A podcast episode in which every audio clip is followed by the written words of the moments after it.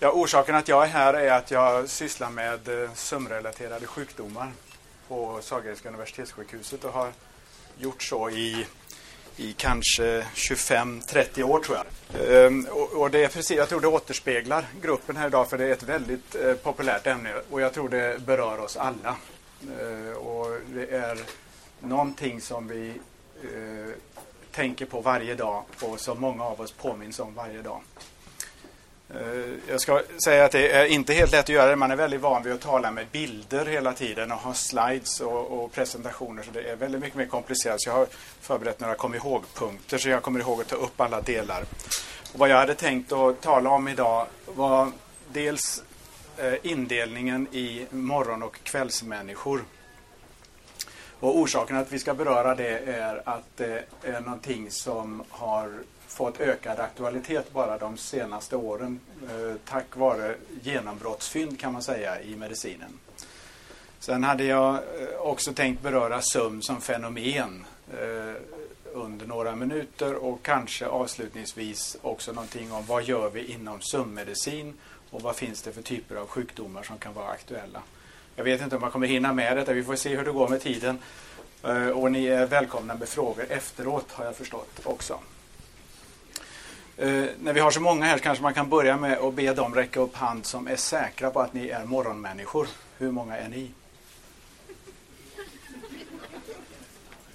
Kan det vara en femtedel kanske? Knappt 20 procent. Hur många är säkra på att ni är kvällsmänniskor? Oj! Och hur många är varken eller? Så några har kommit ändå. Trots att, ja. Ja, ja, gör man undersökningar så visar de flesta material att ungefär 20-25 procent utav alla människor är morgonmänniskor. Ungefär lika många är kvällsmänniskor. Det varierar lite i olika material och som säkert många av er vet så varierar det med ålder. Vi tenderar faktiskt att bli mer och mer morgonmänniskor ju äldre vi blir i livet.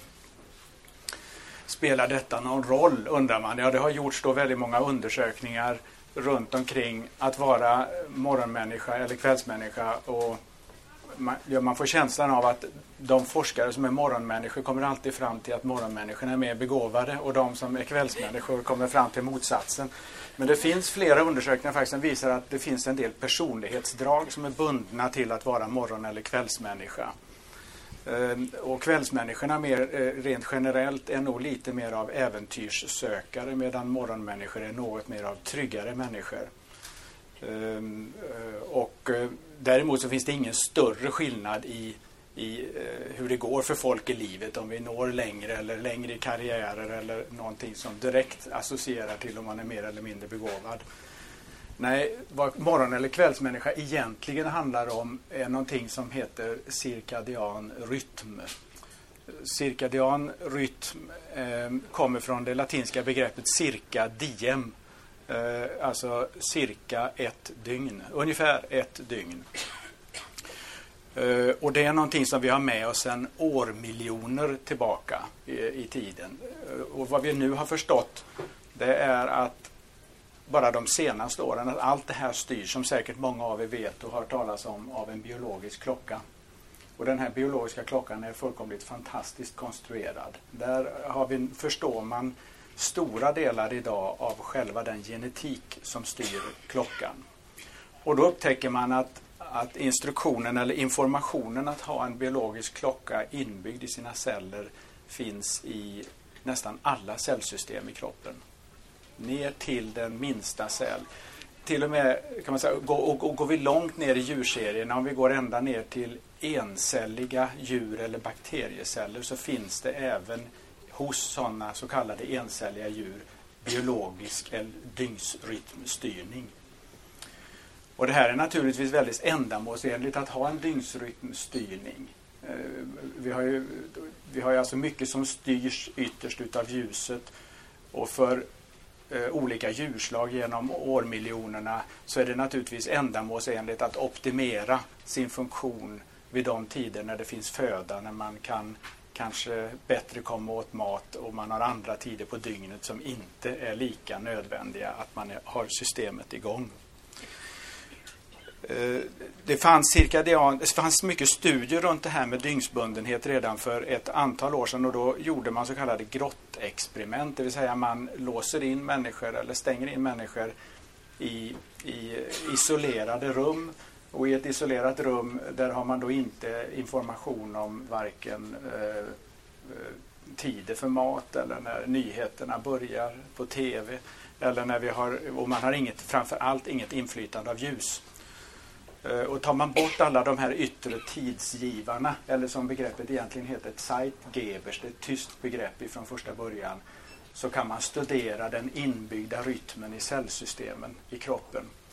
Eh, och då visar det sig, och det vet säkert också många av er, att de flesta av oss har inte ett, kronolog, ett dygn som stämmer med det kronologiska dygnet. Det vill säga jorden roterar på 24 timmar på ett dygn medan det mänskliga biologiska dygnet i snitt ligger på lite drygt 25 timmar. Och det var det första insikten. Det vill säga, låser man nu in de här människorna i grottan och så tar man bort alla tidsgivarna så kommer dygnet att driva hela tiden. Det kommer att driva med ungefär en timme per, per astronomiskt dygn. Ehm, och detta är, detta är ett genomsnitt. Men sen ser man också att det finns människor där ibland eh, som har kanske ett, eh, dygn ner emot 22-23 timmar. Och det finns eh, många som har kanske uppemot 25-26 timmar. Och jag kan, vi stöter också på på sjukhuset människor som har dygn som sannolikt ligger på uppemot 40 timmar. Det vill säga man är fullständigt utslagen ur en normal dygnsrytm. Och vad innebär det? Jo, det innebär att den här biologiska klockan tickar i sin egen rytm och man kommer så att säga i fas eller ur fas med viss regelbundenhet om man inte har tar, tar tillvara de yttre tidsgivarna. Och återigen så är den starkaste yttre tidsgivaren som vi mest känner till är då solen. Eh, och via sol och ljus så tar vi då in ljusinformation. Vi fångar upp den ljusinformationen i näthinnan via celler som är antingen är speciellt anpassade eller de vanliga syncellerna. Och den här informationen överförs till en liten ynka kärna, nervcellskärna som sitter i hypotalamus i hjärnan som heter den suprachiasmatiska kärnan eller SCN brukar man kalla den. Och där sitter atomuret. Där sitter de celler som orkestrerar hela kroppens cellsystem ytterst. Även om, som jag sa tidigt, att det finns celler ute i kroppen som har egen, egen klocka. Men den den synkroniseras kan jag väl säga ifrån den centrala klockan hela tiden.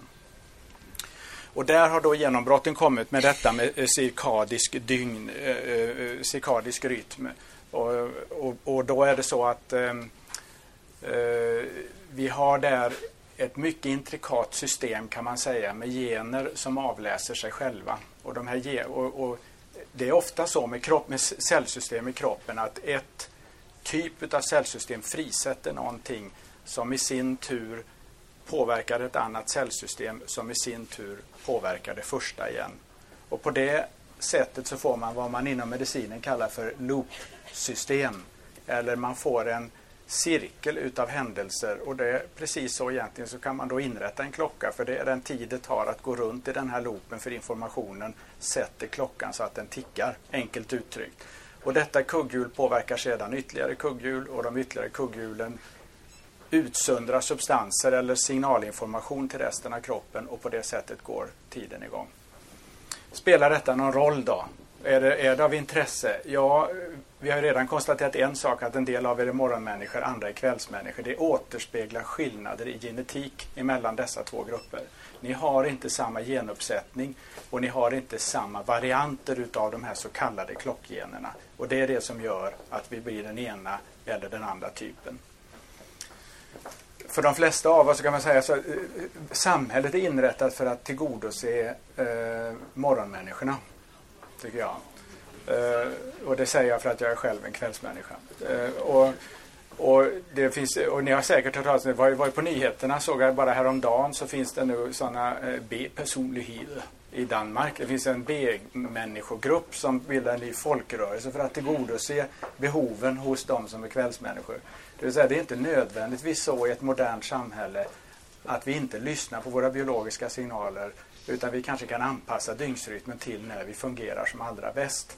Och jag tror det ligger något klokt i detta även om det naturligtvis finns massor med praktiska hänsyn till hur det Jag kan bara tänka på en massa olika varianter hur detta ska fungera.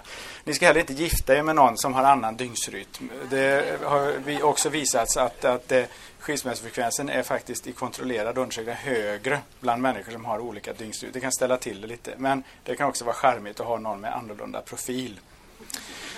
För de flesta av oss så är, är eh, jag tror att det mest påtagliga exempel med detta med dygnsrytmik är nog när vi reser mellan tidszoner eller mellan så kallade transmeridianflygningar.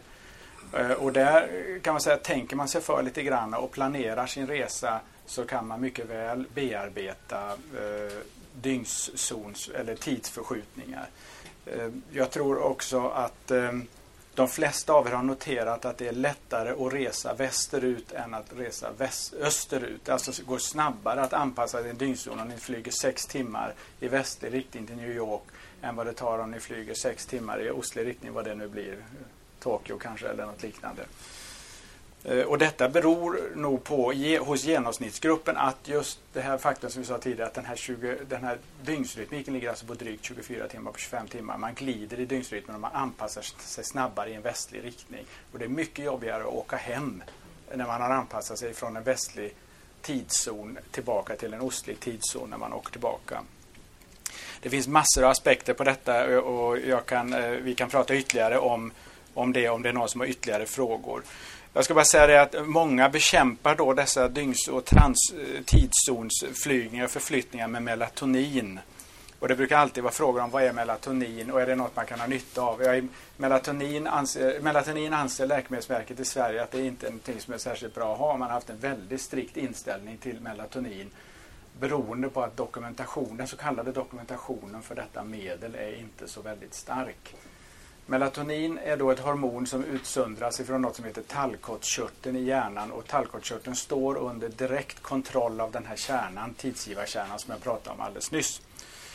Eh, och ehm, idag vi kommer att få faktiskt nya melatoninpreparat. Vi går mot en form av renässans vad det gäller det. Vi förstår systemet bättre idag och det kommer komma nya typer av läkemedel. Men det största användningsområdet av de läkemedlen blir sannolikt inom sömnstörningar eller så kallad insomni, svårt att sova eller svårt att underhålla sömn.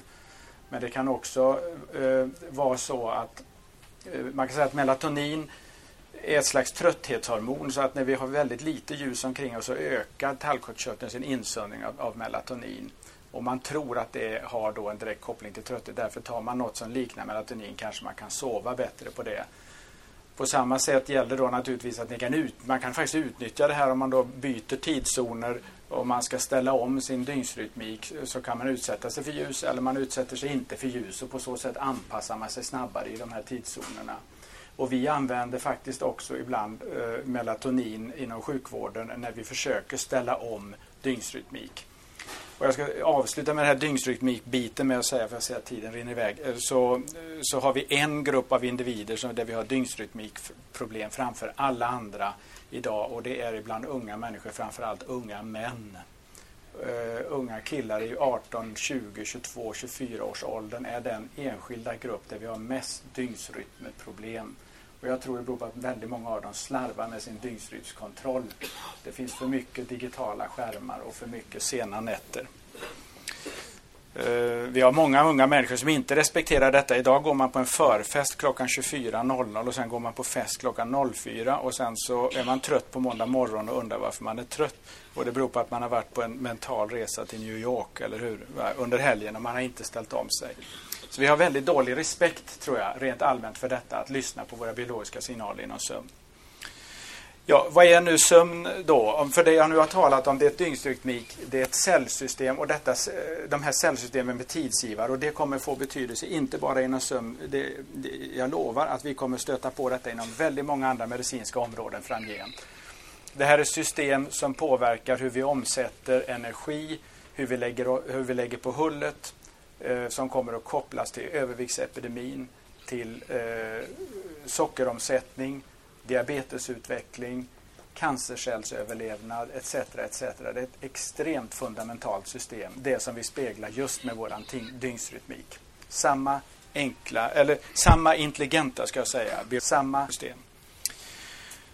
Jag brukar säga någonting om sömnen också, för sömnen är, då, är någonting som vi lagrar på det här och det tror jag inte heller alla gånger vi har förståelse för. För att sömn är vad vi kallar ett homeostatiskt fenomen. När vi sover så betalar vi en sömnskuld och när vi är vakna så skaffar vi oss en sömnskuld. Och detta system lägger man på toppen, man pratar om sömnens tvåfassystem. Det lagras alltså på den dygnsberoende variationen, den så kallade cirkadiska variationen i vakenhet. Och Det innebär att det är lättare att somna på vissa tider på dygnet om ni ligger rätt i fas i den här cykeln och det är svårare att sova på andra tider av dygnet. De lättaste tiderna att somna på dygnet är som alla vet naturligtvis på kvällstid och den ligger väldigt tidigt hos dem som är tid, tidig fas och det ligger sent hos dem med sen fas. Och de flesta av oss vet också att vi har ett, inte bara ett 24 timmars dygnstryck, vi har faktiskt ett 12 timmars dygn också som utnyttjas i många länder med siestasömn. Det vill säga vi har en vad vi kallar en vakenhetsdipp där eh, strax efter lunchtid och den har vi också med oss en väldigt, väldigt lång tid tillbaka. Då har vi ett öppnare fönster för sömn. I sömnen har vi också ytterligare en rytmik. Eh, och där talar vi ibland om någonting som heter ultradian rytm. Och det beror på, man kan säga att sömnen kan man enkelt uttrycka som att hjärnan står och slår mellan två olika tillstånd. Den slår emellan någonting som man kallar för paradoxal sömn och något som kallas för icke-paradoxal sömn. Eh, och de här är väldigt skilda om man mäter ett EEG och tittar på hur hjärnstrukturen eller hjärnan arbetar. Och det beskrev man allra första gången 1953 så det är, har lite drygt 50 år på nacken och då beskrev man ett fenomen som heter REM-sömn eller Rapid Eye Movement-sömn. Och det är paradoxal sömn. Det är en väldigt aktiv hjärna i en fullständigt paralyserad knopp, kropp. Knopp är det också. um, och detta, detta att befinna sig i den här typen utav uh, REM-sömn eller den paralyserade delen av sömnen, det gör vi ungefär en femtedel varje natt. Och vi gör, av, varje, av varje sovperiod ska jag säga. Och vi passerar in och ut och in och ut ur den här typen utav... Är det någon som har tagit något? Ja. ja. Eh, vi passerar in och ut ur den här sömnfasen eh, och detta har ju också förbryllat forskare under väldigt många år. Varför är det på detta sättet? Och varför är det så förutsägbart? Det vill säga sömnen är som ett fullständigt tvättmaskinprogram. Brukar vi säga. Det är som att trycka på en startknapp och sen så processar hjärnan sig igenom dessa sömnstadier på ett väldigt, väldigt förutsägbart sätt. Det är ett fascinerande biologiskt fenomen att stå och titta på om man mäter detta och undersöker i olika sammanhang. Eh, och jag tänkte koppla på det här, vad är nytt och vad är det som händer? Ja, vi prata om de här generna som fanns i tidsgivarna. Och inom, inom den, här eh, den här mekaniken kan man säga i sömnen så finns det också nya insikter. Och de har framför allt att göra med inlärning och inlärningsprocesser. Tidigare har vi diskuterat väldigt många varför sover man överhuvudtaget? Vad är det som är så, vad är det som är så speciellt med det här fenomenet? Ska vi, ska vi samla energi eller, vad är det, eh, eller är det, har det någon annan funktion? Ja, det har en väldigt förutsägbar funktion för kroppen och det, och det mäter man i själva in, eh, i inlärningsförsöken. Och man kan likna det här på sätt och vis vid när man går till säng så har man ungefär som ett skrivbord fullt med papper som är fullständigt osorterade. Eh, och under en del av sömnen, den här så kallade REM-sömnen, ja då plockas alla papperna fram och sen sorteras de och sedan eh, under den övriga delen av sömnen så sorteras de in i sina respektive fack. Det vill säga hjärnan under en del av sömnen så aktiverar man alla intrycken som ni har ifrån, uh, inhämtat under dagen. När ni går och lägger er till exempel så kanske ni kommer ihåg vad jag hade för färg på eh, kavajen eller vad, skylt, vad det stod på någon skylt eller en massa detaljinformation, vem som stod bredvid er just nu. Men det är information som egentligen inte är meningsfull för hjärnan att samla på sig. Det, är inte, det, det har ingen funktion i långtidsminnet. Däremot så kanske ni strukturerar upp det här. Tänker, jag var på Wettergrens bokhandel och jag lyssnade på någon som pratade där och det handlade om ungefär det. Det är strukturerad information som man klarar av att minnas. Hjärnan slår nu mellan de här olika funktionerna eh, och då kan man säga att man under den här REM-sömnen så löser man upp och aktiverar alla de här informationerna och det är då vi drömmer för det är då vi kastar fram de här i hjärnan. Vi, vi har nästan förmågan att, att påminna oss delar av dem. Och sedan under den andra delen av sömnen som är då så kallad icke-REM-sömn eller icke-paradoxal sömn, då lagras och struktureras de här in i logiska långtidsminnen. Och på detta sättet går det till hela tiden. Då kan man ju fundera på hur kan det då i olika sjukdomstillstånd avslutningsvis vara så att om man inte sover, hur sjutton kan man lära sig någonting alls då? Hur kan det fungera överhuvudtaget? Ja, det är nog ett tecken på hjärnans så kallade plasticitet och det är väl tur att det är så, annars hade vi varit väldigt enkelspåriga. Men någonstans så har, har vi en väldig förmåga att, att plocka ut vad som är väsentligt och vad som inte är väsentligt. Eh, men lika fullt när vi stöter på de människor som har problem med sömnen och jag har eh, jag eh, antytt ett av dem, det vill säga så kallad insomni som jag tror är det kanske allra vanligaste problemet. Det är någonting som drabbar kanske en tredjedel av hela befolkningen någon gång under livstiden. Eh, det vill säga att vi har svårt att somna eh, och vi, har, eh, vi vaknar upp väldigt tidigt av otillräcklig sömn. Eh, hos en del människor blir detta ett kroniskt problem som man har under väldigt, väldigt lång tid, under väldigt många år. Och hos andra är det någonting som är övergående. Jag tror alla kan få insomni om ni är väldigt stressade för något som ska hända nästa dag eller ni har varit med om någon väldigt emotionellt uppjagande händelse en dag. Men eh, det, så det finns olika former av insomnier. Men lika fullt kan man säga så klarar ju hjärnan av mycket av inlärningsförmåga men riktigt lika mycket klarar den inte av. Och poängen med detta är att det är nog väldigt viktigt att vi faktiskt behandlar de här typerna av sömnstörningar och sömnsjukdomar också. Eh, vi stöter som sagt på väldigt mycket människor med insomni. Det brukar vara de allra flesta frågorna. Vad ska man göra? Vad är på väg att hända på den horisonten? Ja, för det första, för att väldigt kort sammanfatta runt insomni så, eh, så eh, har vi en, vet vi idag att det finns många behandlingsformer som vi skulle vilja ge till, vi skulle vilja ge behandling till väldigt många människor som inte baseras på läkemedel kan jag säga. Och lika fullt så håller vi de närmaste åren på nu att få väldigt många nya spännande läkemedel in, inom insomnifältet som inte har de bieffekter så det, vitt det ser ut nu som de tidigare traditionella sömnmedlen har haft. Så där finns det en väldigt spännande utveckling på gång. En annan stor grupp utav personer, eh, patienter kan jag väl uttrycka det som, som har sömnstörningar är människor som har snarkning och obstruktiv sömnapné. Eh, eller sömnapné och det är kanske den, en, hos oss på sjukhuset är just kanske den allra största gruppen idag. Jag tror vi har närmare 7000 människor i behandlingsregistret på Sahlgrenska universitetssjukhuset med människor som har eh, sömnapné. Detta är också en, en, en fullkomlig fullkomligt kapacitetshämmande sjukdom som innebär att man slutar andas periodiskt under natten på grund av luftvägen faller samman eh, och att man får sömnstörningar av det skälet och att man blir väldigt trött och sömnig på dagen. Det är någonting som vi kan hitta väldigt enkelt med mätinstrument idag och som väldigt effektivt kan behandlas. Och avslutningsvis, vad finns det för andra typer av störningar som vi ser eh, bara för att ge en känsla? Ja, det finns ytterligare ett stort, väldigt vanligt tillstånd idag som vi kallar för rastlösa ben. Eh, och rastlösa ben är någonting som kanske drabbar i storleksordningen 2, 3, 4 procent utav befolkningen. Eh, I mycket större utsträckning äldre än yngre personer. Eh, och som också har vi förstått ifrån alla de patientberättelser vi får är en extremt kapacitetsbegränsande sjukdom. Eh, Erbarmligt tillstånd att leva med och som ofta är en sömnstörare. Som också mycket, mycket effektivt kan behandlas med läkemedel idag och som är fullständigt underbehandlad i detta samhälle. Ehm, och slutligen så ser vi då någonting, jag ska bara säga, det sista begreppet utav sömnstörningar som vi stöter på det är någonting som vi kallar för parasomnier parasomnier eh, är då den grupp av eh, sömnstörningar som innebär att man går i sömnen, man pratar i sömnen, man eh, utför olika typer av regelbundna rörelsemönster eller handlingar under sömn. Det är mycket, mycket mer av en svart låda tror jag i att fullständigt förstå hur parasomnier fungerar. Men det finns även där idag en del acceptabla behandlingsmetoder tror jag. Jag skulle säkert kunna prata en, två timmar till och ta